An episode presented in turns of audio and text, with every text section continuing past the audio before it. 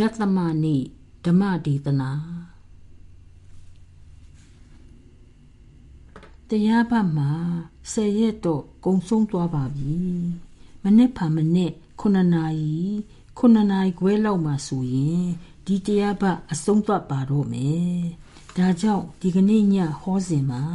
ယောဂီတို့ဒီမှာဘာတွေကျင့်သုံးကြခဲ့တယ်ဘာတွေသင်ယူကြခဲ့တယ်ဆိုတာကို ပြန်ပြီး သုံးသပ်ကြဖို့ဖြစ်ပါတယ်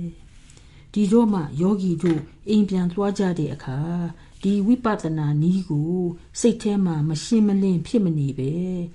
တန်တရားကင်းရှင်းနေရန်ဖြစ်ပါတယ်နောက်ပြီးတော့လေတရားကိုဆက်ပြီးကောင်းကောင်းမွန်မွန်ရှုနိုင်ပြီးဒီတရားကျင့်စဉ်ရဲ့ရတဲ့ရတတ်တဲ့အကောင်းဆုံးအကျိုးကျေးဇူးတွေကိုလည်းခံစားနိုင်ဖို့ရာဖြစ်ပါတယ် တရားအလုတ်ခွင်စကြတော့ပထမဦးဆုံးတရဏဂုံ၃ပါးကိုစောက်တီခံယူခဲ့ပါတယ်ဗုဒ္ဓဓမ္မတန်ခါကိုကိုးကွယ်ရာဟူ၍ယုံကြည်စိတ်ကပ်ပါ၏လို့ခံယူခဲ့ကြပါတယ်ဗုဒ္ဓကိုစိတ်ကပ်တယ်ဆိုရမှာမြတ်စွာဘုရားမှာကိန်းအောင်နေတဲ့ဂုံတော်အကျင့်စိတ်ခါအရေးချင်းတို့ကိုစိတ်ကပ်တာဖြစ်ပါတယ် ဗုဒ္ဓဆိုတာကတော့တရားကိုမြင်သွားတဲ့ပုဂ္ဂိုလ်လို့အဓိပ္ပာယ်ရပါတယ်မြတ်စွာဘုရားတွေ့ရှိသွားတဲ့မြင်ရှိသွားတဲ့ရရှိသွားတဲ့တရားတို့ကိုစိတ်ကပ်တာဖြစ်ပါတယ်ယောဂီတို့ခုလိုတရားပတ်မှလာပြီးတရားကိုကျင့်သုံးကြတာဟာယောဂီတို့ကိုယ်တိုင်တရားကိုတွေးရှိသွားဖို့တရားကိုမြင်ရှိသွားဖို့ရရှိသွားဖို့ရာဖြစ်ပါတယ် မိမိကိုယ်တိုင် ပွားများပြီးရရှိမြင်ရှိသွားတဲ့တရားကသာမိမိကိုယ်ွယ်ရာခိုလှုံရာအားထားရာဖြစ်နိုင်ပါတယ်အကာအကွယ်ပေးနိုင်ပါတယ်ကုညီမဆပြီးစောင့်ရှောက်နိုင်မှာဖြစ်ပါတယ်တခြားပုဂ္ဂိုလ်တဦးတယောက်ကပွားများထားခဲ့တဲ့ရရှိထားခဲ့တဲ့ကျင့်ထားခဲ့တဲ့တရားဟာမိမိအတွက်လမ်းပြပေးနိုင်ယုံအားပေးနိုင်ယုံမျှတာဖြစ်ပါတယ် အတ္တဒီပါဘိခဝေဝိဟာရထအတ္တသရဏအစီပေးနိုင်တဲ့ကျွန်းကိုလိုပါတယ်ဒါကြောင့်မြတ်စွာဘုရားကမိမိကိုယ်သာလျှင်ခိုးလုံရာကျွန်းဖြစ်ပါစေမိမိသာလျှင်မိမိရဲ့ခိုးလုံရာကျွန်းဖြစ်ပါတယ်မိမိကိုယ်ထဲမှာသာအကအကွယ်ယူပါဘယ်သူကိုမှခိုးလုံရာလို့အာမထားပါနဲ့လို့ဟောတော်မူခဲ့ပါတယ် ဓမ္မဒီပါဝိဟရထတရားကိုသာလျှင်ခိုးလုံရာကျွန်းပြုတ်လို့ပါဓမ္မသရဏတရားကိုသာခိုးလုံပါအနိညသရဏအခြားဘာကိုမှအာမထားပါနဲ့မခိုးလုံပါနဲ့လို့ဟောတော်မူခဲ့ပါတယ်ယောဂီတို့ကိုယ်တိုင် ပွားများထားတဲ့တရားကသာလျှင် ယောဂီတို့အတွက်အကျိုးဖြစ်ပြီးအကာအကွယ်ပေးပြီးခိုးလုံရာဖြစ်ပါလိမ့်မယ်တခြားဘာကမှမဖြစ်နိုင်ပါဘူးဒီနားလည်မှုနဲ့ယတနာ၃ပါးကိုခိုလုံရမှာဖြစ်ပါတယ်ကိုကိုယ်တိုင်တရားကိုပွားများရမှာဖြစ်ပါတယ်ကိုကတရားကိုစောင့်ရှောက်မှာတရားကကိုကိုစောင့်ရှောက်မှာဖြစ်ပါတယ် ပုဂ္ဂိုလ်တူကဒီပုဂ္ဂိုလ်ဟာဖြင့်ငါ့ကိုဆင်းရဲဒုက္ခဒီကလွတ်အောင်လုပ်ပေးမှာပဲဆိုတဲ့အမြင်မှားနဲ့တော့မခိုလုံသင့်ပါဘူးဒီပုဂ္ဂိုလ်ဟာဘယ်လောက်ပဲတကူရှိရှိယောဂီတို့ကိုတန်တရာဝတ်စင်းရဲကလွတ်မြောက်အောင်သူ့ပခုံးပေါ်မှာထမ်းပြီးပို့ဆောင်မပေးနိုင်ပါဘူး လမ်းပြပေးနိုင်ယုံအကူအညီပေးနိုင်ယုံအားပေးနိုင်ယုံလောက်သာတတ်နိုင်ပါတယ်ကိုယ့်ရဲ့လွတ်မြောက်မှုအတွေ့ကိုကိုယ်တိုင်ကျင့်သုံးရမှာဖြစ်ပါတယ်ကိုဝင်ကိုထမ်းကိုလန်းကိုသွားဆိုသလိုကိုယ့်ရဲ့ဘဝဘဝကစုဆောင်းတိုးလောင်းလာခဲ့တဲ့ကံကြွေးကံဟောင်းတွေအနုစရကိလေသာတွေကိုသေဘိုးပြီးကိုကိုယ်တိုင် ဓမ္မလမ်းစဉ်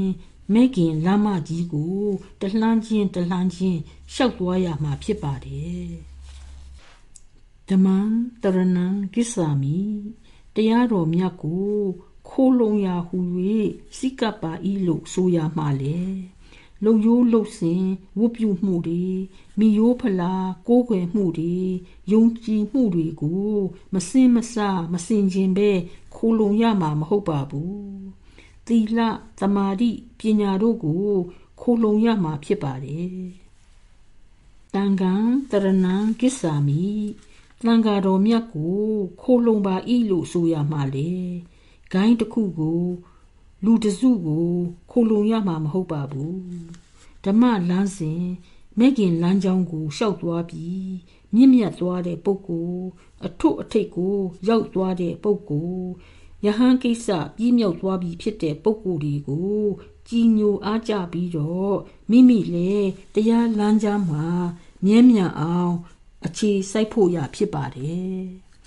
ပုဂ္ဂိုလ်ကိုမဟုတ်ပါဘူးပုဂ္ဂိုလ်ရဲ့အရေးအချင်းတွေကိုခိုးလုံတာဖြစ်ပါတယ်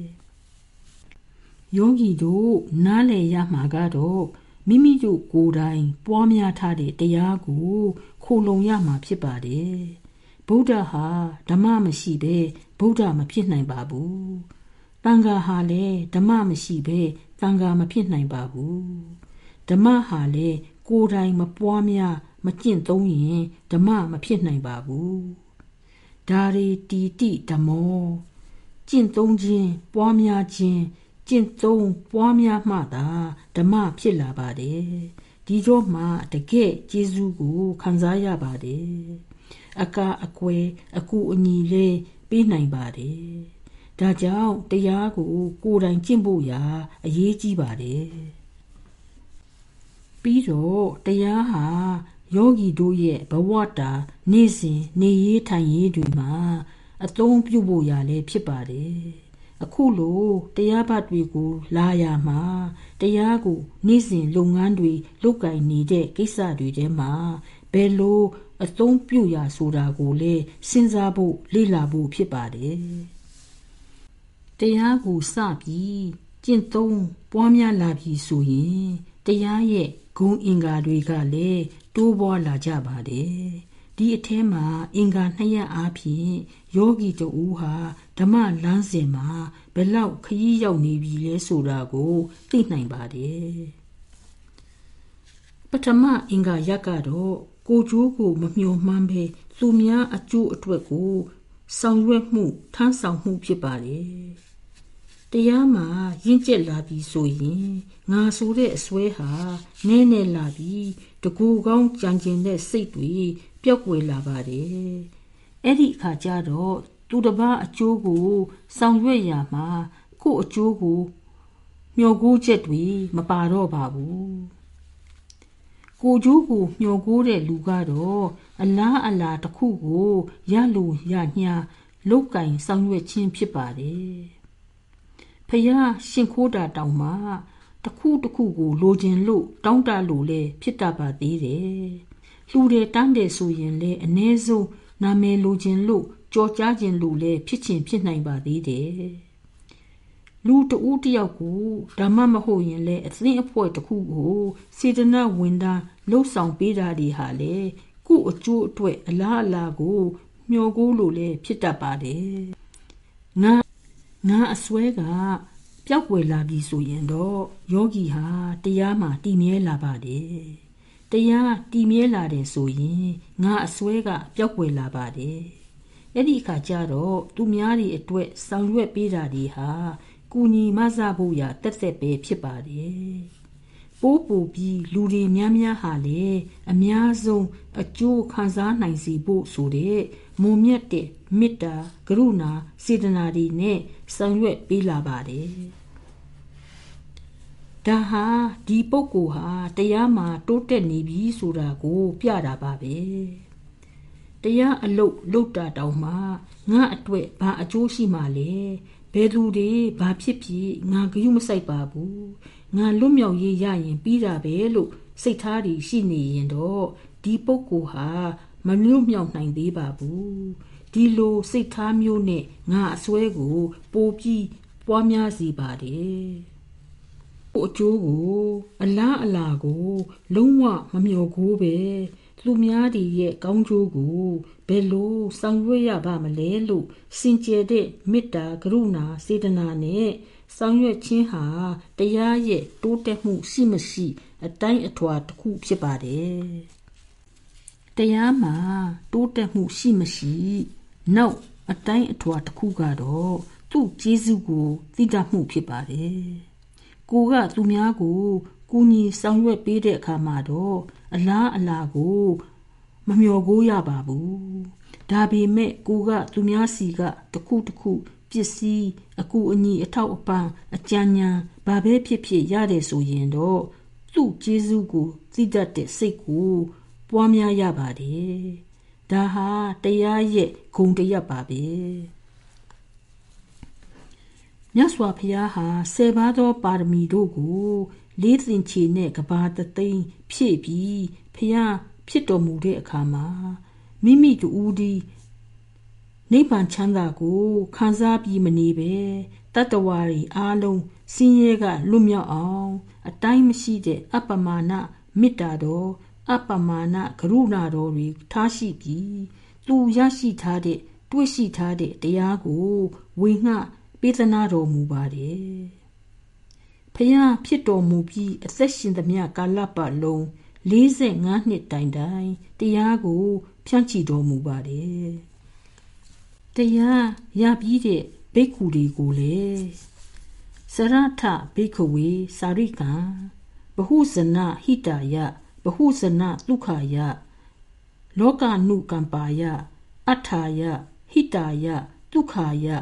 ဒေဝမနုဿာနံလို့မိန့်တော်မူခဲ့ပါတယ် အတိပယ်ကတော့ယဟန်တို့ဒီသစာကြီးလှဲ့လေကြကုန်တော့လူအများတို့ဤအကျိုးစီးပွားအလို့မှာလူအများတို့ဤချမ်းသာခြင်းအလို့မှာလောကကိုအစဉ်သနာခြင်းငှာလူနတ်မြမာတတ္တဝါတို့ဤအကျိုးစီးပွားချမ်းသာခြင်းအကျိုးငှာကြီးပွားစေခြင်းအကျိုးငှာအယံရှင့်မျက်နာတို့သွားကြပြီတရားဓမ္မကိုဟောကြား ဝေငှကြပါလီလောလို့မိန့်တော်မူပါတယ်အများကောင်းကျိုးအတွက်ကိုကျိုးမငဲ့ပဲဆောင်ရွက်ချက်ဖြစ်ပါတယ်မြတ်စွာဘုရားကဒီလိုစလိုက်တော့တဆင့်တဆင့်နဲ့ဆရာဆရာတွေကဒီကမ္မထာနီးကိုဘာမှမရောနှောစီပဲလှုငကိုမူလအတိုင်းပဂတိအစစ်အမှန်ဖြစ်နေအောင် ထိမ့်သိမ်းစောင့်ရှောက်လာခဲ့တဲ့အတွက်ကြောင့်အခုယောဂီတို့ဟာဒီတရားကိုကျင့်သုံးနိုင်ကြခြင်းဖြစ်ပါတယ်ဒီတရားဟာတရားစစ်တရားမှန်ဟုတ်မဟုတ်ဆိုတာကိုသူ့ကိုကျင့်သုံးပြီးထူးခြားတဲ့အကျိုးကျေးဇူးရှိမရှိဆိုတာမှတည်ပါတယ်ကောင်းတဲ့စပ်ပြမှန်ရင်တော့ကြီးဒီအညစ်အကြေးတွေကိုချွတ်မှအမှန်ပါပဲ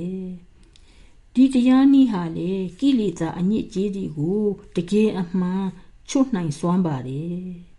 ဒါကြောင့်မြတ်စွာဘုရားနှင့်တကွအဆက်ဆက်သင်ကြားပြသခဲ့တဲ့ဆရာသမားတွေကိုအထူးပဲကျေးဇူးတင်သင့်ပါတယ်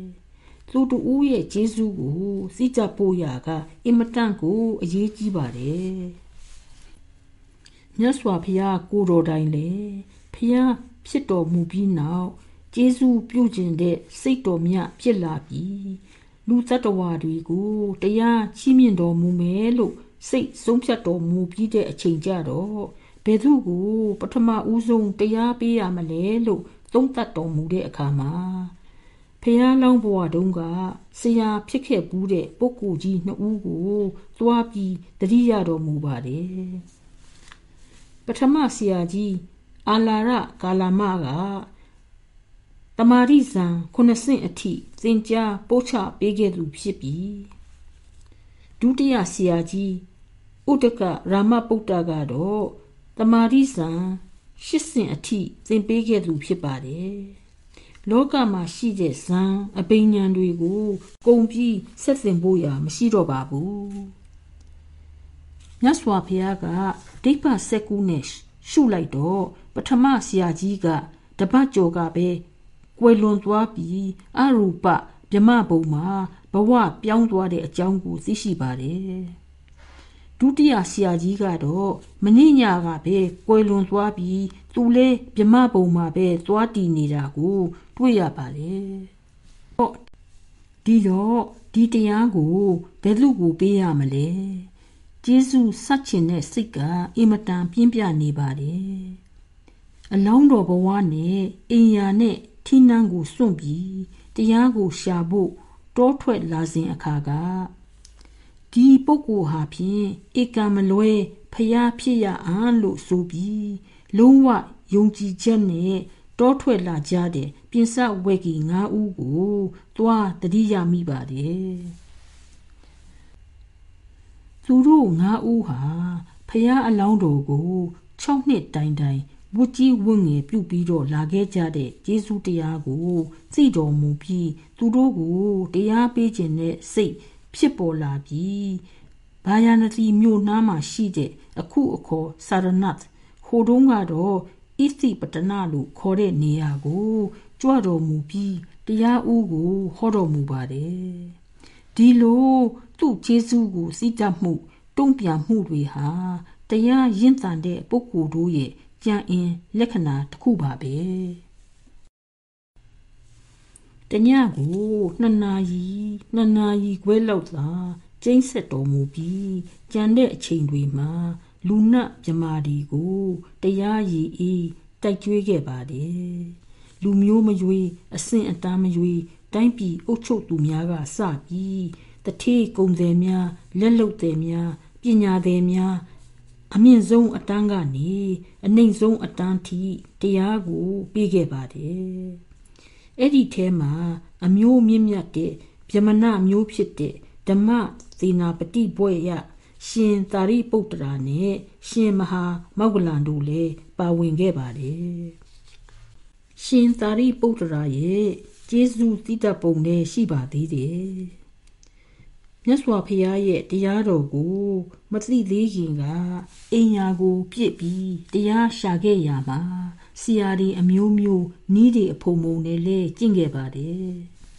တခါတော့ရာဇကြိုပြည်မှာရှိတဲ့သိန်းစည်းဆရာကြီးထံမှာပညာစည်းပူးပြီးတရားရှာနေပါတယ်တမနက်မှာမြို့ထဲဝင်လာတော့စွန့်ခံကြွလာတဲ့ရှင်အတ္တစီယဟန်ရဲ့ တီကြီးငြိမ်သက်တဲ့အိန္ဒြေနဲ့ကြည်လင်တောက်ပတဲ့မျက်နှာတော်ကို မြင်ရတော့ဒီပုဂ္ဂိုလ်ဟာဖြင့်သာမန်လူမဟုတ်တန်ဘူးထူးခဲ့တာပဲတရားစစ်တရားမှန်ကိုရထားတဲ့သိထားတဲ့ပုဂ္ဂိုလ်ဖြစ်မှာပဲလို့ယုံကြည်ပြီးတော့ရှင်အတ္တစီနောက်ပါကလိုက်သွားပြီး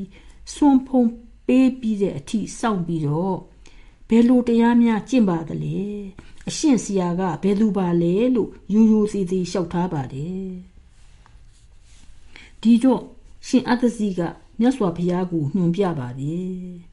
ရှင်သာရိပုတ္တရာကလည်းညွှန်ပြတဲ့အတိုင်းပဲမြတ်စွာဘုရားထံတွားရောက်ပြီးတရားရတော့ယဟန္တာဖြစ်တော်မူပြီးမြတ်စွာဘုရားပြီးရင်သူဟာတရားအရာမှဖြင့်ဒုတိယပါပဲဓမ္မသေနာပတိဘွဲ့ရှင်ဖြစ်တော်မူပါတယ် ဒါတောင်မှသူ့ကိုမြတ်စွာဘုရားတန်ညွှန်ပြပေးလိုက်သူ ရှင်အတ္တစီရဲ့ကျေးဇူးကိုဘယ်တော့မှမမေ့ပါဘူးညအိယာဝင်တိုင်းရှင်အတ္တစီရှိရာအရက်ကိုဦးသုံးချိန်ချပြီးမှခေါင်းတယ်ပြီးမှအိတ်လိရှိပါတယ်တရားပစစဉ်အခါကယောဂီတို့ဟာရှစ်ပါးသီလကိုခံယူခဲ့ကြပါတယ်သီလဟာကမ္မထမ်းရဲ့ အောက်ခြေကအုံမြင့်ဖြစ်ပါတယ်အောက်ခြေမမြဲရင်အဆောက်အုံကြီးလည်းမမြဲသလိုသီလအောက်ခြေမမြဲရင်တရားအဆောက်အုံကလည်းမမြဲတော့ပဲပြိုကွဲသွားပါလိမ့်မယ်အောက်ခြေကသီလကိုကောင်းကောင်းမွန်မွန်မထိမ့်သိမ့်မစောင့်ရှောက်နိုင်လို့ရှိရင်ဝိပဿနာတရားကို မကျင့်သုံးမစောင့်တည်နိုင်ပါဘူး ယောဂီဟာတီလတစ်ခုတစ်ခုကျိုးသွားတယ်ဆိုရင်စိတ်ထဲမှာအညစ်အကြေးတွေဝင်လာပါတယ်တစ်ဖက်လက်ကအညစ်အကြေးတွေကိုစင်ကြယ်အောင်လုပ်နေစီပြီးတစ်ဖက်လက်ကတော့အညစ်အကြေးအသစ်တွေနောက်ထပ်ဖြစ်ပွားနေတယ်ဆိုရင် ဖြစ်နိုင်ပါမလားနောက်တစ်ခုကယောဂီဟာတရားကျင့်သုံးတဲ့အခါစိတ်ရဲ့နှဆိုင်တဲ့အပိုင်းမှာ ရှာဖွေစူးစမ်းနေကြဖြစ်တော့စိတ်ရဲ့အပေါ်ယံဘိုင်းမှာလှိုင်းကြရက်တွေလိုဖြစ်နေရင်နှဆိုင်တဲ့အပိုင်းကိုမရောက်နိုင်ပါဘူးပင်ဥပမာဆိုကြပါစို့ပင်လယ်အောက်မှာရေနံရှာဖွေတဲ့ကိစ္စမှာဝါဆိုဝါကောင်းမုတ်တုံလေးဒီအင်မတန်ပြင်းထန်လာတော့ဆက်လက်တူးလို့မရတော့ပဲလုပ်ငန်းကိုခဏရပ်လိုက်ရပါတယ် လေဒီလှိုင်းဒီကကြီးပြီးပြင်းထန်လွန်းတော့ပင်လေရေပြင်ဟာငြိမ်သက်မှုမရှိတော့ပဲအလုတ်လုတ်လို့မရနိုင်ပါဘူးလှိုင်းလုံးဝမရှိတဲ့အထိလဲစောင့်နေဖို့မလိုပါဘူးဒီလိုစောင့်နေရင်တော့ဘယ်တော့မှအလုတ်ဖြစ်တော့မှာမဟုတ်ပါဘူးလှိုင်းသေးသေးလေးတွေကတော့ရေမျက်နှာပြင်ပေါ်မှာအမြဲပဲရှိနေမှာပါပဲ ပြင်းထန်တဲ့လှိုင်းကြီးတွေသာမရှိဖို့လိုပါတယ်ဒီအတိုင်းပါပဲယောဂီဟာသီလတစ်ခုတစ်ခုကိုချိုးလိုက်ရင်အကုသိုလ်မှုတစ်ခုတစ်ခုကို ပြုလိုက်မိရင်ယောဂီရဲ့စိတ်ခန္ဓာအပိုင်းမှာလှိုင်းတွေထလာပါတယ်ဒီတော့စိတ်ရဲ့အတွင်းနဲ့ဆိုင်တဲ့အပိုင်းထိကိုထိုးဖောက်ပြီးမရောက်နိုင်ပါဘူးဒါကြောင့် ဒီကမ္မထာနည်းကိုကျင့်သုံးပြီးဓမ္မလမ်းကြောင်းပေါ်မှာတိုးတက်ချင်ရင်တော့ငါးပါးသီလကိုခါဝတ်ပစိုးကဲ့သို့မြဲအောင်ထိမ့်သိမ့်ကြဖို့ဖြစ်ပါတယ်။သီလမမြဲရင်တမာတိလည်းမတည်နိုင်ပါဘူး။တမာတိမရှိရင်ပညာသိက္ခာကိုလည်းမပွားနိုင်ပါဘူး။တခါပိုပြီးခက်ခဲလာပြန်တယ်။တမာတိမရှိပြန်ရင်လေ သီလစောက်တည်လို့မရပြန်ပါဘူးသီလရှိမှတမာတိရှိသလိုတမာတိရှိမှလည်းသီလစောင့်လို့ရပါတယ်အခုလိုဆယ်ရက်တရားပတ်ကိုဝင်လာကြတော့ယောဂီတွေဟာပြင်ပလောကနဲ့အဆက်ပြတ်နေကြပြီတနေ့လုံးပဲတရားလုပ်ငန်းခွင်ကို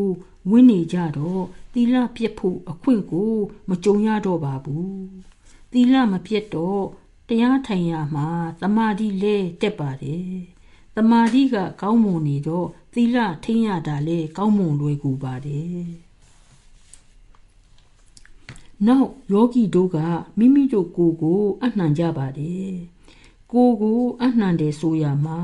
ပုဂ္ဂိုလ်တူးတယောက်ကိုအနှံတာမဟုတ်ပါဘူးတရားကိုအနှံတာဖြစ်ပါတယ်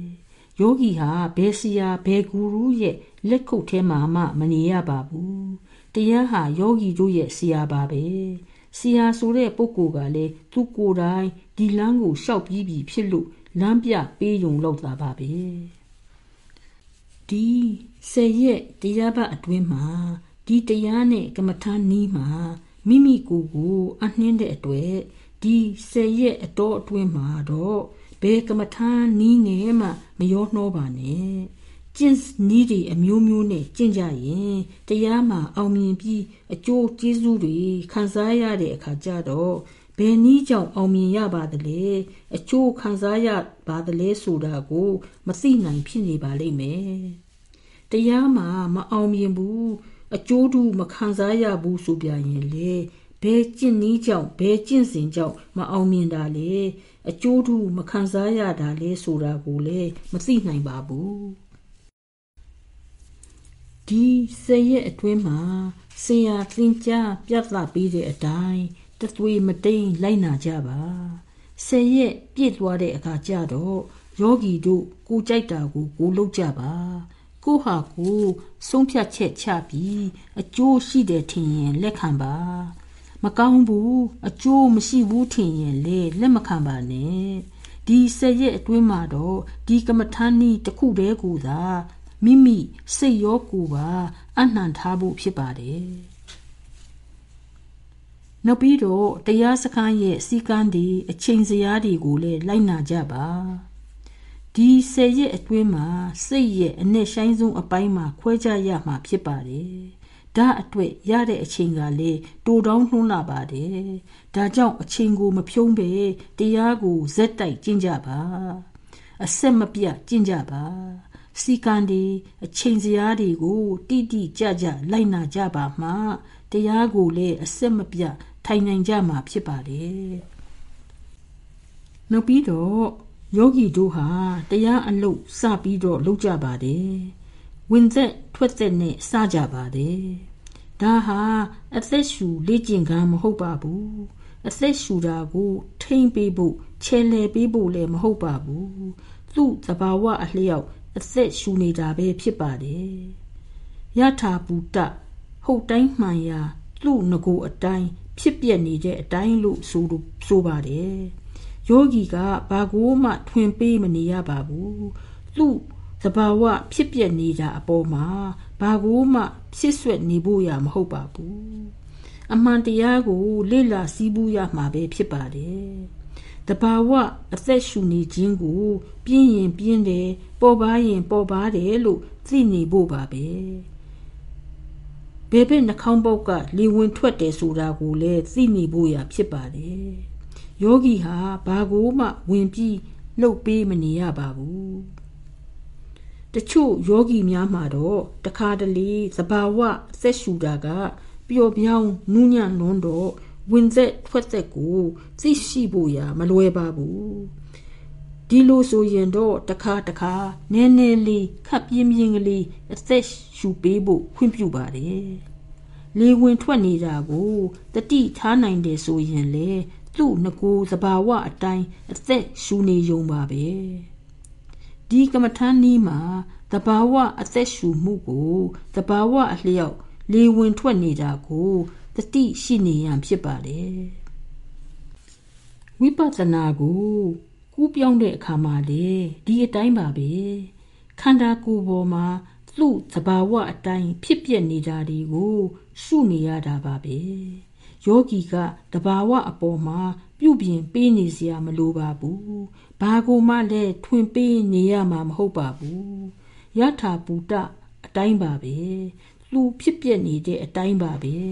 စိတ်ကူးလည်းမပါရပါဘူးတဘာဝမဟုတ်တာကိုအတုအယောင်ယူပြီးယူရတာမျိုးလည်းမဟုတ်ပါဘူးသူ့ငကိုတဘာဝအလျောက်ဖြစ်ပြနေတာကိုရှုယုံမျှတာရှုနေဖို့ဖြစ်ပါတယ်အမှန်တရားအမှန်တကယ်ဖြစ်ပြနေမှုကိုသတိရှိနေဖို့ပါပဲဝင်သက်ထွက်သက်ကိုပဲဖြစ်ဖြစ်နောက်ပိုင်းမှာဝိပဿနာကိုပဲဖြစ်ဖြစ် ရှုနေတုံးမှာအဟုတ်တကယ်ဖြစ်ပြနေတာကို ရှုယုံမျှတာရှုနေဖို့ပါပဲဒီကမ္မထာနည်းနဲ့အာနာပါနပဲဖြစ်ဖြစ်ဝိပဿနာနဲ့ပဲဖြစ်ဖြစ်ကျင့်နေတဲ့အခါမှာနှုတ်ကဘာကိုမှမရွတ်ရမဆိုရပါဘူးစိတ်ကူးနဲ့လေဘာကိုမှမြင်တွေ့မနေရပါဘူးတရားထိုင်ရမှာနီးတွေကတော့အမျိုးမျိုးပဲရှိကြပါတယ် နီးတစ်ခုမှာထူးခြားချက်တစ်မျိုးစီလည်းရှိပါတယ်ဒါကဒီနီးရဲ့ထူးခြားချက်ကို ပြောပြနေတာပါဘယ်နီးကိုမှပုတ်ခပြောဆိုနေတာမဟုတ်ပါဘူးဒီနီးနဲ့ကြင့်မယ်ဆိုရင်ဒီနီးအတိုင်းကြင့်ပါမှဒီနည်းရဲ့အကျိုးကျေးဇူးကိုခံစားနိုင်မှာဖြစ်ပါတယ်ယထာဘူတညာနာတသနာ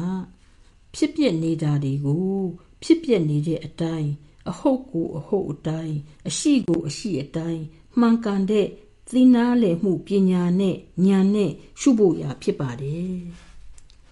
ဖြစ်ပေါ်နေတဲ့ဝေဒနာတွေကိုကိုယ်နဲ့မဆိုင်သလိုကိုယ်ဝေဒနာမဟုတ်သလိုစိတ်ကိုခွာခွာထားပြီးရှုတတ်ဖို့ရာဖြစ်ပါတယ်ဒီတော့မှလေတရားကိုတကယ့်ကိုတွေ့နားလည်မှာဖြစ်ပါတယ် မတီးမြဲတာကိုရှုပြီး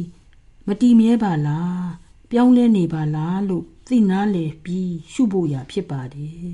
ငါမဟုတ်ငါဟာမဟုတ်တာတွေကိုငါအတွေးခေါ်ငါယုံကြည်မှုတွေနဲ့ရှုနေရင်တော့ယထာဘူတမကြနိုင်ပါဘူးကိုဖြစ်ချင်တယ်လို့မဟုတ်ပါဘူးလူတကယ်ဖြစ်ပြနေတာကိုရှုရမှာဖြစ်ပါတယ်နှုတ်ကတခုတခုကိုရွတ်ဖတ်နေရင် မဟုတ်ရင်လေစိတ်နဲ့တခုတခုကို မြင်ကြည့်နေရင်စိတ်ကိုလွယ်လွယ်နဲ့ထိန်းထားလို့အာယုံကိုစိုက်ထားလို့ရတာကတော့မှန်ပါတယ်ဒါပေမဲ့ဒီကမ္မထာနီးရဲ့ရည်ရွယ်ချက်ကစိတ်စူးစိုက်ထားဖို့ရာတမာတိထူထောင်ထားဖို့ရာမဟုတ်ပါဘူးဒီကမ္မထာနည်းရဲ့ရည်ရွယ်ချက်ကယုံနံတရားရဲ့အမှန်တရားကိုသိပြီး ဒုက္ခကဘယ်ကနေဘယ်လိုစတယ်အကုလိုစိတ်တွေကိလေသာအညစ်အကြေးတွေကဘယ်ကစတယ်ပြီးတော့ဘယ်လိုပွားများလာတယ်သူတို့ကိုဘယ်လိုအမြင့်ပြလှုပ်စင်ရမယ်ဆိုတာတွေဖြစ်ပါတယ်စိတ်ကိုဖြူစင်သန့်ရှင်းအောင်လုပ်ဖို့ရာကစိတ်ကိုစူးစိုက်ပြီးတမာတိရှိအောင်လုပ်တာတဲ့ပိုပြီးအရေးကြီးပါတယ် ယုံ nant တရားတို့ရဲ့အမှန်သစ္စာတရားကို ဖောက်ထွင်းသိရှိဖို့ရာက ပိုပြီးအရေးကြီးပါတယ်ပိုပြီးအကျိုးကျေးဇူးများပါတယ်ဒါကြောင့်ယောဂီတို့ကသိပြီးတတိရှိဖို့လိုပါတယ်ယုံနာနှစ်ပါးလုံးအတွင်းမှာအမျိုးမျိုးအဖုံဖုံ ဖြစ်ပျက်နေတာတွေကိုတတိရှိရှိနဲ့စူးစမ်းရမှာဖြစ်ပါတယ်စိတ်ကို အာယုံတစ်ခုတည်းအပေါ်မှာစူးစိုက်ထားရင်ဥပမာစိတ်ကူးနဲ့မြင်ရတဲ့အရာတစ်ခုတစ်ခုဆိုပါတော့မဟုတ်ရင်လေရွတ်ဖနေတဲ့စကလုံးတစ်လုံးဆိုပါတော့ဒီတော့စိတ်ကဒီထဲမှာပဲစူးစိုက်နေတော့ယုံ nant တရားရဲ့အမှန်တရားဘက်ကိုမစူးစမ်းနိုင်မစူးစိုက်နိုင် မရှုနိုင်တော့ပါဘူးနောက်တစ်ခုလည်းရှိပါသေးတယ်စကလုံးတစ်လုံးလုံးကို သုံးရင်အသံမထွက်ဖဲစိတ်ထဲကညွတ်နေရင်တောင်မှအဲ့ဒီအသံရဲ့လှိုင်းတွေဖြစ်ပေါ်လာကြပါတယ်တချို့စကလုံးတွေဟာအင်မတန်အားကောင်းတဲ့လှိုင်းတွေဖြစ်ပါတယ်စကလုံးကတော့ဘာမှအတိတ်ပဲမရှိပါဘူးအတန်တွက်ကြောင့်လှိုင်းတွေဖြစ်ရတာပါအုံအင်းရင်အစရှိတဲ့အစာမျိုးတွေပေါ့မောင်းများကိုတိလိုက်ရင်အသံလှိုင်းတွေအကြာကြီးပဲထွက်နေသလိုပါပဲ ယောဂီဟာအသံတစ်ခုကိုထက်ခါထက်ခါယွတ်နေမယ်ဆိုရင်ဒီလိုလှိုင်းတွေဖြစ်ပြီးလူကို အကအကွယ်တစ်မျိုးပေးနိုင်ပါတယ်အပြင်ပကမကောင်းတဲ့လှိုင်းတွေမဝင်နိုင်အောင်ယောဂီရဲ့စိတ်ရဲ့အပေါ်ယံအပိုင်းအပြင်ဘက်အပိုင်းကို ဖုံးလွှမ်းထားတော့လုံချုံနေတာပါပဲဒါဟာကောင်းတဲ့လောက်တော့ကောင်းပါတယ် ဒါပေမဲ့ယောဂီရဲ့သဘာဝအလျောက်ဖြစ်ပေါ်နေတဲ့စိတ်မွေ့ဝေဒနာလှိုင်းတွေယောဂီရဲ့အကုသိုလ်ကိလေသာလှိုင်းတွေကတော့သူတို့နေရာမှာပဲရှိမြဲရှိနေအောင်မှာပါပဲထုတ်ပြလို့မရနိုင်ပါဘူးစကလုံးအတန်နဲ့ဖြစ်ပေါ်လာတဲ့လှိုင်းကလည်းယောဂီရဲ့နှက်ဆိုင်တဲ့စိတ်အထီကိုမရောက်နိုင်တော့ယောဂီကသိမ်မွေ့ဝေဒနာတွေကို မတွေးထိမခံစားနိုင်ပါဘူး လောဘဒေါသအစရှိတဲ့အကုသိုလ်စိတ်တစ်ခုတစ်ခုပေါ်လာရင်အဲ့ဒီအချိန်မှာ ဖြစ်ပေါ်နေတဲ့သိမ်မွေ့ဝေဒနာကိုသတိနဲ့ရှုနေနိုင်မှဒီအကုသိုလ်သင်္ခါရတွေအမြင့်ကနေချေမိုးနိုင်မှာဖြစ်ပါတယ်ဒါကြောင့်စလုံးကြောင့်ဖြစ်တဲ့လှိုင်းတွေမဖြစ်လာအောင်စကလုံးဂါထာမန္တရားတွေမရွတ်ဖတ်ဖို့တားမြစ်ထားတာဖြစ်ပါတယ် ထိုနည်းအတူပဲစိတ်ကူးနဲ့မြင်ရတဲ့ပုံစံတွေအမျိုးမျိုးကို မကြည့်ရမလုပ်ရအောင်လဲတားမြစ်ထားပါတယ်ယုံနံတို့ကိုကြော်လွန်သွားဖို့ရာယောဂီရဲ့စိတ်ရဲ့အနဲ့ဆိုင်ဆုံးအပိုင်းကိုသွားရမှာဖြစ်ပါတယ်စိတ်ရဲ့အသိမွေဆုံးအပိုင်းကိုယ်ရဲ့အသိမွေဆုံးအပိုင်းရောက်ပြီးဘာဝနာမယညာနဲ့ခံစားရပြီးမှရှုရမှာဖြစ်ပါတယ်အဆိုင်အခဲဖြစ်နေတဲ့ ပြင်းထန်တဲ့ကြမ်းတမ်းတဲ့ဝေဒနာတွေကနေပြီးသိမ်မွေ့သိမ်မွေ့လာပြီးအဆုံးစွန်သောအမှန်တရားကိုဘာဝနာမယညာနဲ့ရှုနိုင်မှသာယုံ nant တရားကကျော်လွန်နိုင်မှာဖြစ်ပါတယ်ဒါကြောင့်ဒီကမ္မထာနီးဟာကျမ်းတန်းကနေသိမ်မွေ့သိမ်မွေ့ဩလာရိကကနေသုခုမသုခုမကိုသွားဖို့ရဖြစ်ပါတယ်ရုပ်ခန္ဓာမှာဆိုရင် ပြင်းထန်တဲ့ ကြမ်းတမ်းတဲ့ဝေဒနာတွေဟာအဆိုင်အခဲတွေအဖြစ်ကနေပြီးတဖြည်းဖြည်းစိမ်မွေ့စိမ်မွေ့ဝေဒနာအထိရောက်သွားကြသလိုနာခန္ဓာထဲမှာလည်းပြင်းထန်တဲ့အဆိုင်အခဲကြီးဖြစ်နေတဲ့စိတ်ခံစားရမှုတွေပေါ်လာရင်စိတ်တ ानु ပသနာဓမ္မာနုပသနာတို့နဲ့အဲ့ဒီလိုဖြစ်နေတဲ့အချိန်မှာခန္ဓာကိုယ်မှာဖြစ်နေတဲ့ဝေဒနာတွေကိုရှုရပါတယ် အဲ့ဒီအခါမှာစိတ်ထဲမှာဖြစ်ပေါ်နေတဲ့ခံစားရမှုတွေကလည်းပြိုကွဲပြီးအဆိုင်အခဲတွေလှိုင်းကလေးတွေလိုဖြစ်သွားကြပြီးနောက်ဆုံးနန္တရားရဲ့အမှန်သစ္စာတရားကိုရောက်ရှိပြီးတွေ့ရှိသွားပါလိမ့်မယ်။လမ်းစဉ်မှာယုံနာနှစ်ပါးစလုံးဟာကျမ်းတမ်းကနေစိမ်မွေ့စိမ်မွေ့အထိရောက်လာကြမှာဖြစ်ပါတယ်။ဒီတော့မှ အမြင်အားဖြင့်အမှန်တရားလို့ထင်ရတာတွေကနေပြီးတော့အဟုတ်အမှန်တကယ်အမှန်တရားကိုရောက်နိုင်မှာဖြစ်ပါတယ်။ဥပမာဆိုကြပါစို့ယောဂီကခေါင်းကိုစပြီးရှုရင်ပထမတော့ခေါင်းကိုကြမ်းတမ်းတဲ့ဝေဒနာအဖြစ်နဲ့အဆိုင်အခဲကြီးလိုပဲခံစားရပါတယ်။ဒီကမ္မထာနည်းနဲ့ဆက်ပြီးရှုလွှားရင်အဆိုင်အခဲကြီးကနေ သိမ်မွေ့ဝေဒနာဖြစ်တဲ့လှိုင်းကလေးတွေတုန်ခါမှုကလေးတွေကိုခံစားလာရပါတယ်။ဒါဟာယောဂီရဲ့စိတ်ကူးမဟုတ်ပါဘူးယောဂီကိုယ်တိုင်တကယ်ကိုယ်တွေ့လက်တွေ့ခံစားရမှာဖြစ်ပါတယ်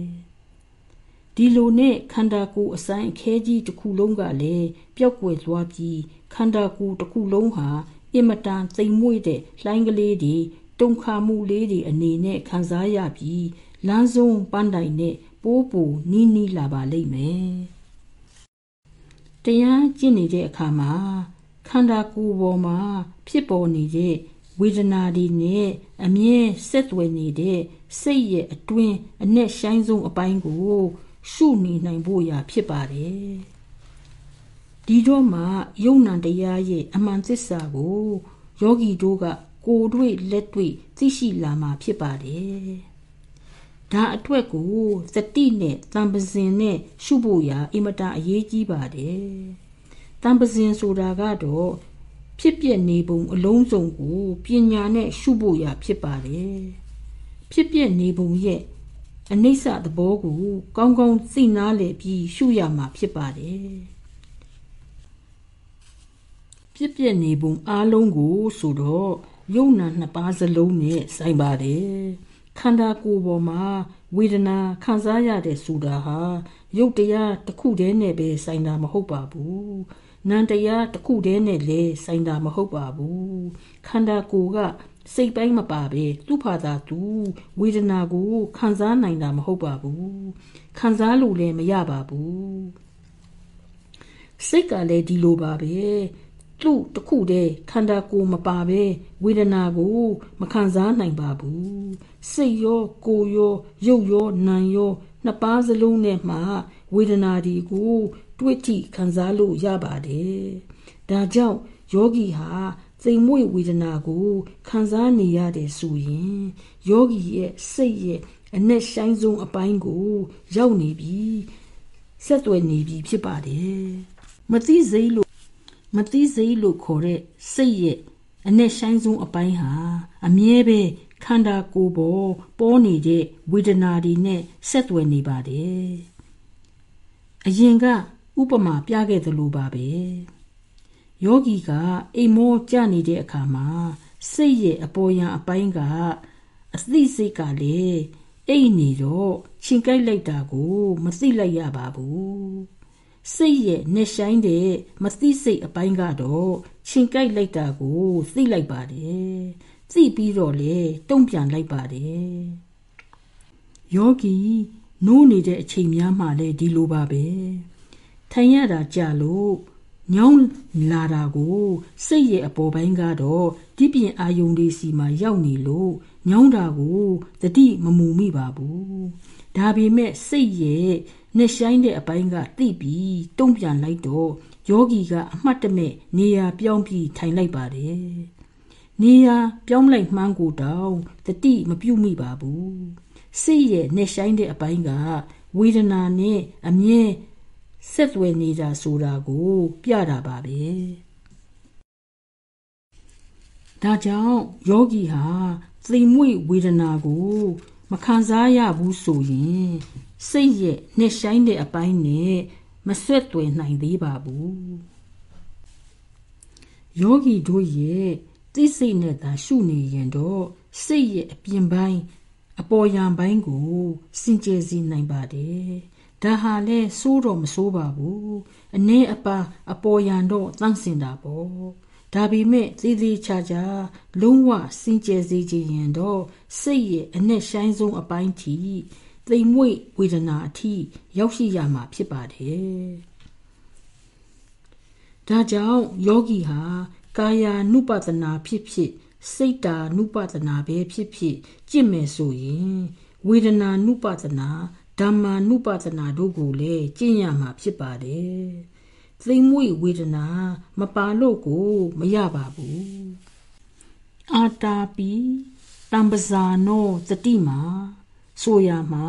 အာတာပီဆိုတာကတော့ခွန်အားစိုက်ထုတ်ပြီးကျင့်တာဖြစ်ပါတယ်။တံပဇာနောကတော့ခန္ဓာကိုယ်ပေါ်မှာဖြစ်ပျက်နေတဲ့ဝေဒနာတွေကိုခံစားရပြီးစင်ကြင်တတ်တဲ့ပညာသူ့ရဲ့အနိစ္စတရားကိုတတိမှာတတိရှိနေဖို့တတိနဲ့ရှုနေဖို့ရာဖြစ်ပါတယ် ဒီနည်းကိုယောဂီတို့ကောင်းကောင်းကျင့်သုံးပြီးလိုက်နာမယ်ဆိုရင်တော့အခုဘဝမှာတင်ပဲအကျိုးကျေးဇူးတွေကိုခံစားရပါလိမ့်မယ်ဘယ်လိုအကျိုးကျေးဇူးတွေလဲဆိုတော့ယောဂီတို့ရဲ့စိတ်အကျင့်ပုံစံဟာပြောင်းလဲလာမှာဖြစ်ပါတယ်ယောဂီတို့တရားကျင့်ရမှာဘလောက်တိုးတက်မှုရှိလာတယ်ဘလောက်ပိုမိုရင့်ကျက်လာတယ်ဆိုတာကို ဒီနည်းနဲ့တိုင်းထွာနိုင်ပါတယ်ယောဂီတို့နေ့စဉ်နေရေးထိုင်ရေးကိစ္စဒီမှာကိုကြိုက်တာရောကိုမကြိုက်တာရောဖြစ်စီကျင်တာရောမဖြစ်စီကျင်တာရော အမျိုးမျိုးအဖုံတွေဖြစ်တတ်ကြပါတယ်ကြုံတွေ့ရပါတယ်ဒီလိုကြုံတွေ့ရတဲ့အခါတိုင်းမှာယောဂီတို့ကဘယ်လိုတုံ့ပြန်မှုလုပ်ကြပါသလဲတရားစမထိုင်ခင်တုန်းကလိုပဲ အရင်ပုံစံအတိုင်းပဲအရင်နီးအတိုင်းပဲတုံ့ပြန်နေတုံးပဲဘာမှပြောင်းလဲမှုလည်းမရှိပါဘူးဘာမှတိုးတက်မှုလည်းမရှိပါဘူးဆိုရင်တော့တခုခုမှားနေပါပြီဒီတရားနည်းကပဲမကောင်းလို့လားမဟုတ်ရင်လေယောဂီကပဲကျင့်တာနီးမနေလို့လားတရားနည်းကတော့ကောင်းပါတယ် လူတွေထောင်သောင်းများစွာကို ကောင်းကျိုးတွေပေးနေတာပဲဒီနည်းကိုကျင့်ပြီးမှယောဂီရဲ့အသက်တာမှာဘာမှလည်းပြောင်းလဲမှုမရှိဘူးဆိုရင်ယောဂီရဲ့တရားပြတဲ့ဆရာနဲ့ဆွေးနွေးပါ မရှင်းလင်းတာတွေကိုတိတိကျကျမသိတာတွေကိုမေးမြန်းပါပြောင်းလဲမှုနည်းနည်းရှိလာပြီဆိုရင်တော့ သိအရင်စလိုမဖြစ်ကြပါနဲ့ဆက်ပြီးကျင့်သုံးသွားရင်တဖြည်းဖြည်းနဲ့ပိုးမူကောင်းမွန်လာပါလိမ့်မယ်ဒီတရားထိုင်တဲ့နီးရဲ့အကျိုးကျေးဇူးတွေကိုဘဝကူးပြီးအထိစောင့်မနေရပါဘူးအခုလက်ရှိဒီဘဝမှာပဲခံစားကြရမှာဖြစ်ပါတယ်ဒီနည်းဟာယောဂီအတွက်တကယ်သင့်တော်တယ်ကောင်းတယ် ယောဂီကအကျိုးကျေးဇူးတွေကိုခံစားရပြီဆိုရင်တော့ဒီနည်းကိုတခြားနည်းတွေနဲ့ရောနှောပြီးမကျင့်သုံးကြပါနဲ့တချို့ယောဂီတွေကတရားနည်းတွေကိုတစ်ခုပြီးတစ်ခုရှောက်ပြီးကျင့်နေကြပြီးဘာကိုမှမေမေရရဇောက်ချပြီးမကျင့်ကြပါဘူးဒီတော့ဘာအကျိုးကျေးဇူးကိုမှလည်းမေမေရရမခံစားရပါဘူး သိရအောင်တော့စမ်းသပ်ကြည့်ရပါတယ်နီး၃မျိုး၄မျိုးစမ်းသပ်ကြည့်ရင်တော့ဘယ်နည်းဟာကိုနဲ့သင့်တော်မယ်ဘယ်နည်းဟာဖြင့်အကျိုးခံစားရမယ်လို့ထင်လို့ရှိရင်တော့စိတ်ကိုဆုံးဖြတ်ချက်ချလိုက်ပြီးအဲ့ဒီနီးနဲ့ပဲကြာကြာနာနာလေးလေးနဲ့နဲ့စူးစမ်းအထုတ်ပါဟိုဟာလေးနည်းနည်းဒီဟာလေးနည်းနည်းလုပ်နေရင်တော့ဘယ်တော့မှခရီးရောက်မှာမဟုတ်ပါဘူး ရေလိုခြင်းလို့ရေတွင်းတူးတယ်ဆိုရင်ဒီနားမှာဆေပေနဲ့နဲ့တူးပြီးတော့ဟိုနားမှာကောင်းတယ်ထင်လို့ဟိုနားမှာပြောင်းပြီးဆေပေနဲ့နဲ့တူးလိုက်နောက်တစ်ခါနေရာပြောင်းပြီးဆေပေနဲ့နဲ့တူးပြန်ရောဒီလိုနဲ့ဟိုနားဆေပေတွင်ဒီနားဆေပေတွင်နဲ့ဘယ်တော့မှရေတွေ့မှာမဟုတ်ပါဘူးဒီနေရာမှာတူးရင်တော့ရေတွေ့မှာပဲလို့စိတ်ထဲမှာယုံကြည် စိတ်ချတယ်ဆိုရင်တော့ဒီနေရာမှာပဲရေတွေ့တဲ့အထိတူးပါတရားထိုင်တယ်ဆိုတာကိလေသာတွေကကင်းရှင်းစေတဲ့တန်ရှင်းရေးလမ်းစဉ်တန်တရားဝတ်စင်းရဲ့ဒီကလူမြောက်ရေးလမ်းစဉ်ဖြစ်ပြီးအင်မတန်လေးနဲ့တဲ့ခရီးလမ်းကြောင်းကြီးဖြစ်ပါတယ်ဟိုနေရာမှာတမြုပ်ဒီနေရာမှာတမြုပ်မြုံစရာအဖျော်အဖြေလဲမဟုတ်ပါဘူး ဒီလိုလုပ်နေရင်တော့လမ်းဆုံးပန်းတိုင်ကို မရောက်နိုင်ပါဘူးဒါကြောင့်တရားအလုပ်လုပ်တယ်ဆိုရင်လေးလေးနက်နက်လုပ်ရမှာဖြစ်ပါတယ်ပေါ်ပေါ်တန်တန်လုပ်ရတာမျိုးမဟုတ်ပါဘူးဒီနည်းတစ်မျိုးတည်းကိုသာကျင့်ရမယ်လို့မဆိုလိုပါဘူးယောဂီတို့လေ့လာကြည့်ပြီးဒီနည်းတဲ့ပိုပြီးစင့်တော်တဲ့နည်းကိုတွေ့ရင်လေအဲ့ဒီနည်းကိုကျင့်ပါ နည်းတွေကိုတော့မရောပါနဲ့ရောရင်ဘယ်နည်းနဲ့မှကျေးဇူးကိုခံစားရမှာမဟုတ်ပါဘူးဂူရူကြီးဥကိုအင်ကာဟာအိန္ဒိယလူမျိုးဖြစ်တော်လေသူ့အဖိုးလက်ထက်ကစပြီးမြမပြည်မှာလာနေတော့မြမပြည်မှာပဲမွေးဖွားခဲ့ပါတယ်အသက်20ကျော်လောက်ကစပြီးစီးပွားရေးကုန်သွယ်ရေးလုပ်ငန်းတွေလုပ်ကင်လာတာ အင်မတန်အောင်မြင်ခဲ့ပြီးဝင်ငွေကလည်းအင်မတန်ပဲကောင်းခဲ့ပါတယ်သူတို့လူမျိုးအဖွဲ့အစည်းတွေထဲမှာလည်းလူမှုကိစ္စတွေအတွက်တော်တော်များများပဲဆောင်ရွက်ခဲ့ပါတယ်အဲ့ဒီအချိန်ကစပြီးအင်မတန်ပြင်းထန်တဲ့ခေါင်းကိုက်ယောဂဆွဲကပ်ခဲ့ပါတယ်စီးသောက်လို့လည်းမပြောက်ပါဘူး ခေါင်းကိုက်ထလာပြီဆိုရင်မခံမရနိုင်တော့အောင်ခံရလွန်းတော့မော်ဖင်းစီထိုးပေးရပါတယ်မြန်မာပြည်မှာရှိရှိသမျှသမားကြော်ကြီးတွေကလည်းစုံနေပါပြီဒီလိုနဲ့9နှစ်လောက်ကြာတော့ဒီဆရာဝန်ကြီးတွေကပဲနိုင်ငံခြားသွားပြီးစေးကုဖို့အကြံပေးကြပါတယ် ဒါနဲ့ဂူရူးကြီးကအင်္ဂလန်အမေရိကန်ဆွစ်ဇာလန်ဂျာမနီဂျပန်အစရှိတဲ့တိုင်းပြည်တွေမှာငွေကြေးတွေအကုန်ခံပြီးတော့အကောင်းဆုံးဆရာဝန်ကြီးတွေနဲ့ကုသပါတယ်အချိန်ကြီးသာကုန်ငွေတွေသာကုန်ပြီးပြန်လာခဲ့ရပါတယ်ယောဂါကတော့မပြောက်ခဲ့ပါဘူးပိုးလို့တောင်စိုးနေပါသေးတယ်မြမပြည်ပြန်ရောက်လာတော့မိတ်ဆွေတူက ခင်ဗျာယောဂဟာစိတ်နဲ့ပတ်သက်တဲ့ယောဂဖြစ်ပါတယ်ဆယ်ရက်တရားပါဝင်ကြည့်ပါလားယောဂပျောက်ခြင်းလဲပျောက်သွားမယ်လို့ဆိုပြီးဆရာကြီးဥပခင်ရဲ့တရားစခန်းကိုညွှန်ပြပါတယ်ဂူရူးကြီးကလည်းဆေးတွေကလည်းစုံ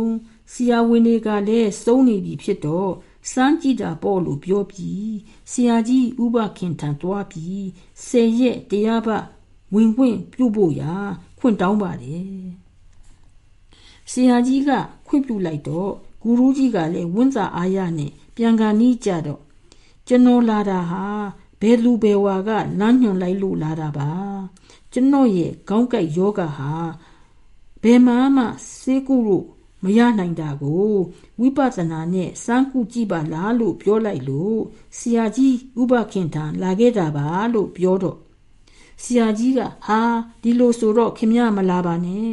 ကျွန်တော်ခင်ဗျားကိုလက်မခံနိုင်ပါဘူးလို့ပြောလိုက်ပါတယ်နောက်ပြီးဆက်လက်ပြီးတော့ရှင်းလင်းပြပါတယ်ခမည်းကတရားကိုဈေးချနေတာကိုတရားဟာယောဂါတွေကိုကုဖို့စေးမဟုတ်ပါဘူးစိတ်ထဲမှာရှိတဲ့ကိလေသာအညစ်အကြေးတွေကိုစင်ကြယ်အောင်လုပ်တာပါ စိတ်ကစင်ကြယ်သွားတော့ဘဝမှာဆင်းရဲဒုက္ခတွေအမျိုးမျိုးတွေကလည်းလွတ်မြောက်လာမှာဖြစ်ပါတယ်ခမည်းယောဂတခုပျောက်ချင်လို့လာတာနဲ့မဖြစ်ပါဘူးလို့ပြောလိုက်ပါတယ်နောက်ဆက်လက်ပြီးတော့လဲရှင်းလင်းပြပါသေးတယ်ခင်ဗျာတရားစစ်တခုထောင်ကျင်နေဆိုပါတော့ရီမန်းချက်ဟာတရားထွက်ဖို့ရာဖြစ်ပါတယ်တရားကိုလိုချင်လို့ပါ တင်လဲကိုလိုချင်လို့မဟုတ်ပါဘူးတင်လဲကလည်းအရန်ပစ္စည်းအနေနဲ့ထွက်မှသေးချာနေပါတယ်ခင်ဗျာစေရဲ့တရားပါလာထိုင်ရင်စိတ်သေးကအညစ်အကြေးတွေအားလုံးကုံစင်ဖို့ရာရည်ရွယ်ချက်နဲ့လာတာဖြစ်ရမယ်ဟိုယောဂဒီယောဂပျောက်ဖို့ရာကတော့ခမည်းရဲ့အယံပစ္စည်းပါပဲလာရင်ရည်ရွယ်ချက်ကတော့ယောဂစေးကုဖို့အတွက်လာရတာမဟုတ်စေရပါဘူးလို့ ဆရာကြီးဥပခင်ကပြောပါတယ်ဆရာကြီးဥပခင်ပြောတာအင်မတန်မှန်ပါတယ်ဒီတရားထိုင်နည်းဟာယောဂပျောက်အောင်စေးကုနည်းမဟုတ်ပါဘူးလို့အတန်တန်ပြောပြီးမြဲယောဂရှင်ကတော့သူ့ယောဂကိုစိတ်ကဆွဲနေတော့စေရဲ့တရားပတ်ထိုင်တဲ့စေရဲ့စလုံးမှာဒီကနေ့တော့ငါယောဂနည်းနည်းသက်သာလာတယ်ဒီကနေ့တော့နည်းနည်းပူဆိုးဝါလာတယ်လို့ ယောဂကိုပဲအောက်မေ့နေပြီစိတ်ရောက်နေပြီတရားကိုတော့ရှုစင်တယ်လို့မရှုဘဲနေရင်ဘယ်နဲ့လုပ်ပြီးတရားရဲ့ရတဲ့ရတိုက်တဲ့ကျေးဇူးတွေကိုခံစားရပါမလဲဂူရူးကြီးကလည်းဒါကိုနားလေကြော့ကျွန်တော်ကိလေသာအညစ်အကြေးတွေစင်ကြယ်ဖို့ရပဲတရားပါဝင်ပါမယ်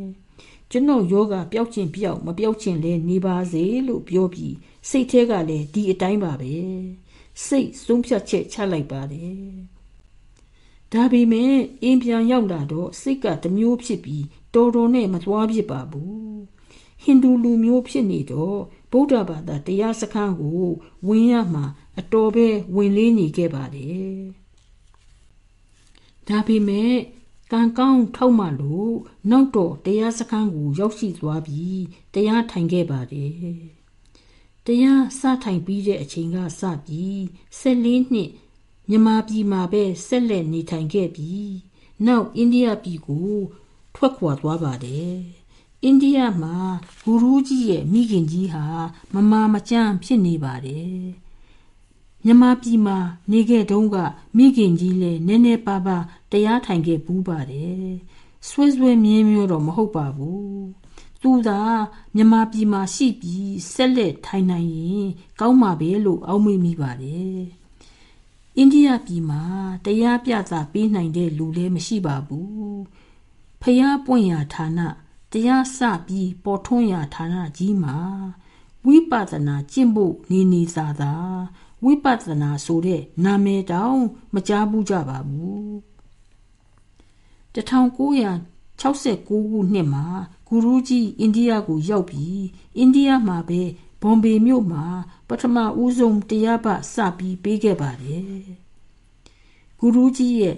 မိဘနှစ်ပါးစလုံးလည်းပါဝင်ခဲ့ပါတယ်ဂူရူးကြီးကမိဘရဲ့မွေးကျေးဇူးဆက်ရခြင်းဖြစ်ပါတယ်မြတ်စွာဘုရားကဟောပြောခဲ့ပါတယ်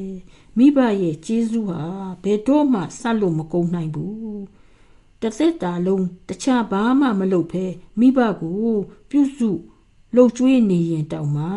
မွေးကျေးဇူးဆက်လို့မကုန်နိုင်ပါဘူးမကြေနိုင်ပါဘူးမိဘရဲ့မွေးကျေးဇူးဆက်နိုင်ဖို့နီးကတော့တမျိုးပဲရှိပါတယ်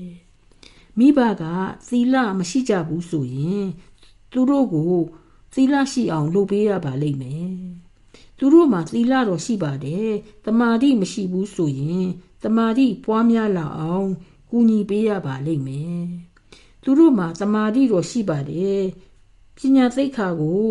မရောက်ကြသေးဘူးဆိုရင်ပညာသိက္ခာထိရောက်အောင်ကူညီပို့ဆောင်ရမှာဖြစ်ပါတယ်ပညာရှိပေမဲ့နိဗ္ဗာန်ကို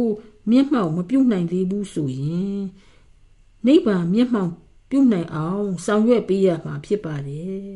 ဒီလိုနဲ့ဂူရူးကြီးကသူ့ရဲ့ မိဘဒီရဲ့မွေးကျေးဇူးကိုစနိုင်ခဲ့ပါတယ်သူ့ရဲ့ပထမတရားပတ်မှာသူ့ရဲ့မိဘနှစ်ပါးအပါဝင်ယောဂီ14ဦးပါဝင်ခဲ့ပါတယ်တရားပတ်ပြီးသွားတဲ့အခါကျတော့အေဟိပသိကောအေဟိပသိကောစတော်တာပါပဲနောက်ထပ်တရားပတ်တစ်ခုလုပ်ပေးပါဦးကျွန်တော်အဖေကျမအမေကျမအဖေကျမသား စသည်တို့လည်းပါဝင်ခြင်းပါတယ်လို့တောင်းပန်ကြတော့တရားပတ်တစ်ခုပြီးတစ်ခုဆက်လိုက်တာ အခုဆိုရင်တရားပတ်ဒီရာပေါင်းများစွာ ရှိသွားပါပြီတရားဓမ္မစတင်ပေါ်ပေါက်လာတဲ့ဌာနကြီးမှာဓမ္မကင်္ဂါမြစ်ကြီးစီးနေပါပြီ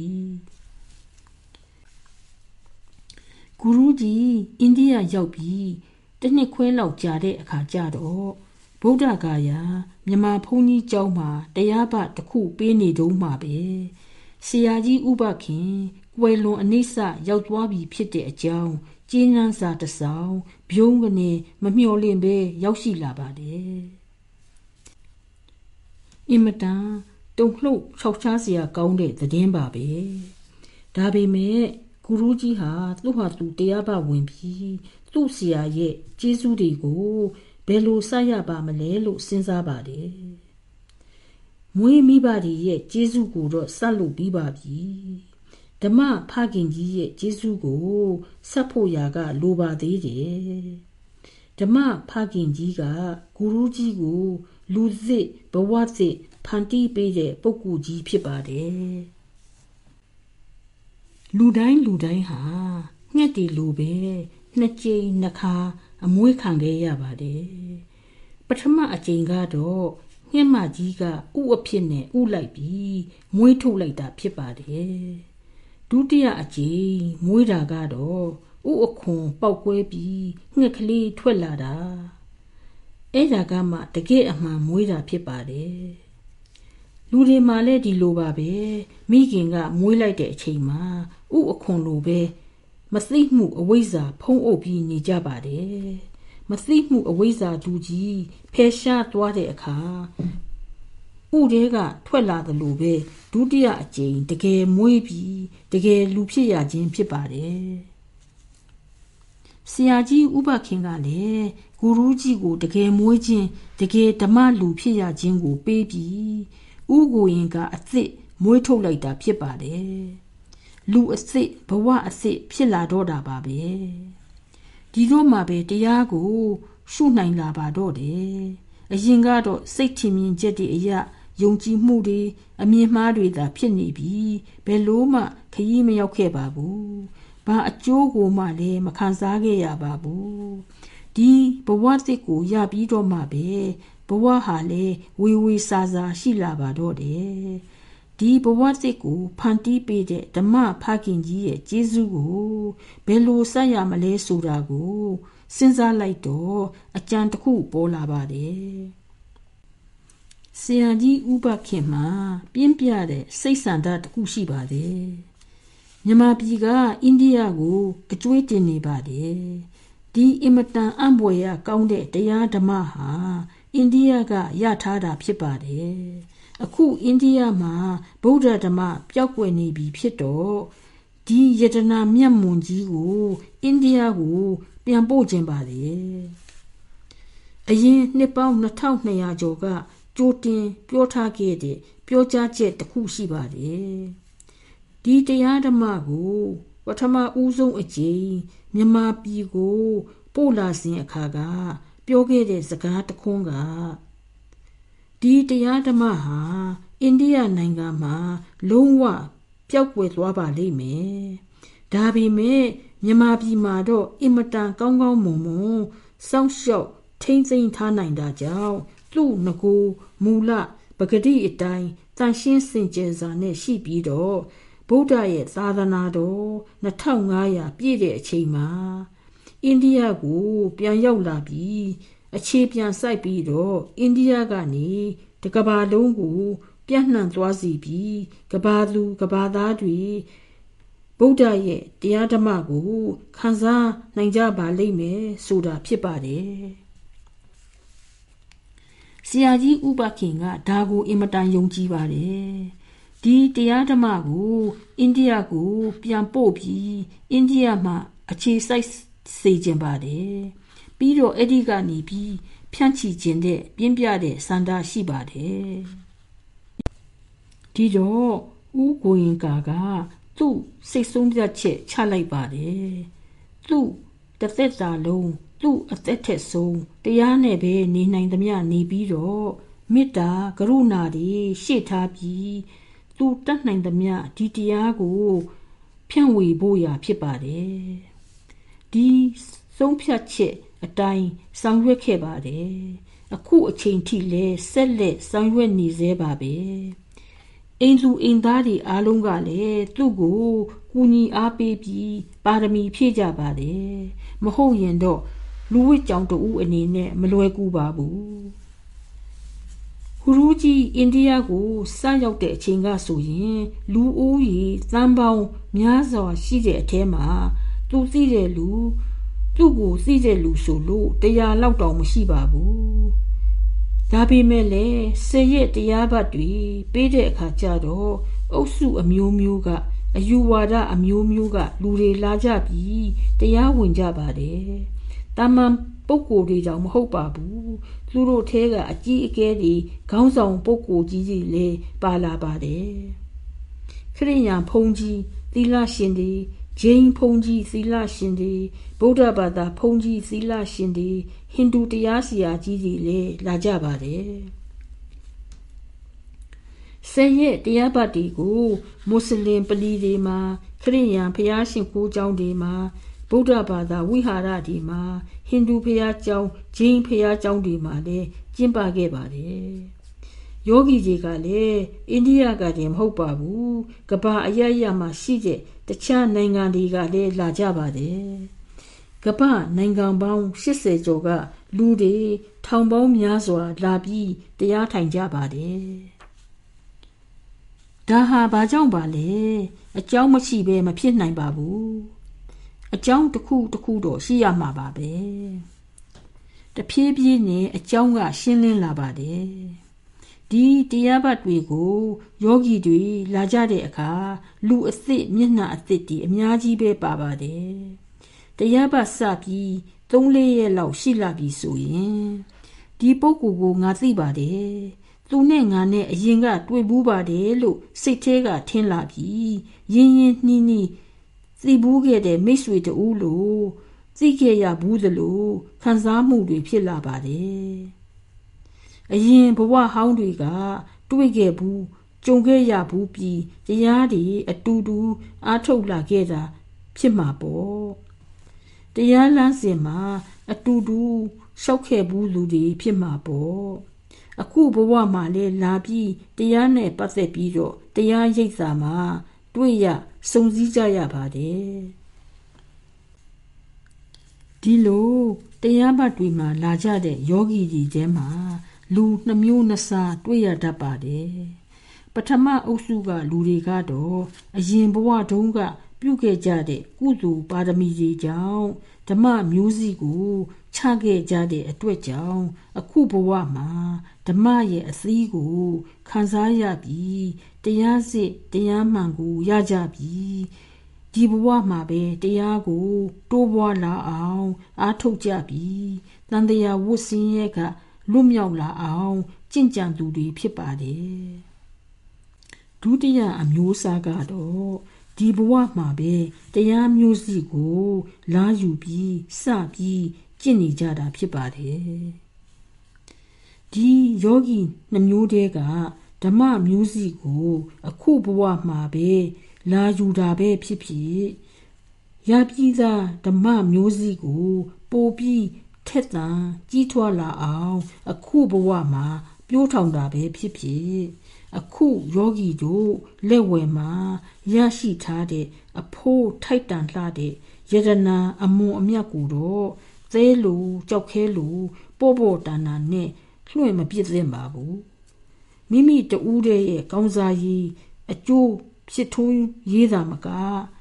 အများတို့ရဲ့ကောင်းစားရေးအကျိုးဖြစ်ထွန်းရေး တန်တရားဝတ်စင်းရကလွတ်မြောက်ရေးလည်းဖြစ်ပါတယ်ဒီတရားဓမ္မကိုတိုးတဲ့တိုးပွားတဲ့ပွားအောင် ပြုလုပ်သင့်ပါတယ်ကဘာတဝမ်းလုံးမှာအတိဒုက္ခတွေဆင်းရဲတွေအင်မတန်များလှပါတယ်လူတွေဟာအကြောင်းကြောင်းကြောင့်ဒုက္ခတွေအမျိုးမျိုးကိုခံစားနေကြရပါတယ် လူတွေဟာဒီတရားနည်းကိုရကြပြီးကျင့်သုံးကြမယ်ဆိုရင် သူတို့ခံစားနေရတဲ့ဒုက္ခတွေကလွတ်မြောက်ရမှသိကြပါတယ်ဒုက္ခခံစားနေရတဲ့လူသားတွေအတွေ့ယောဂီတို့ကမိမိတို့ကိုယ်တိုင်ဒီတရားကို အခြေခံအောင်ကျင့်ကြပြီးတဲ့နောက်တခြားလူတွေကိုလည်းလွတ်မြောက်နိုင်ကြအောင်ကူညီမဆကြပါ ဒုက္ခတွေအမျိုးမျိုးခံစားနေရတဲ့လူသားတွေအေးချမ်းမှုခံစားနိုင်ကြပါစေချမ်းသာမှုကိုလည်းခံစားနိုင်ကြပါစေမှန်ကန်တဲ့တရားနည်းအစ်စ်ကိုလည်းတွေ့နိုင်ကြပါစေဘဝတုသဗ္ဗမင်္ဂလာခတ်သိမ်းသော မင်္ဂလာသည် ဖြစ်ပါစေတည်း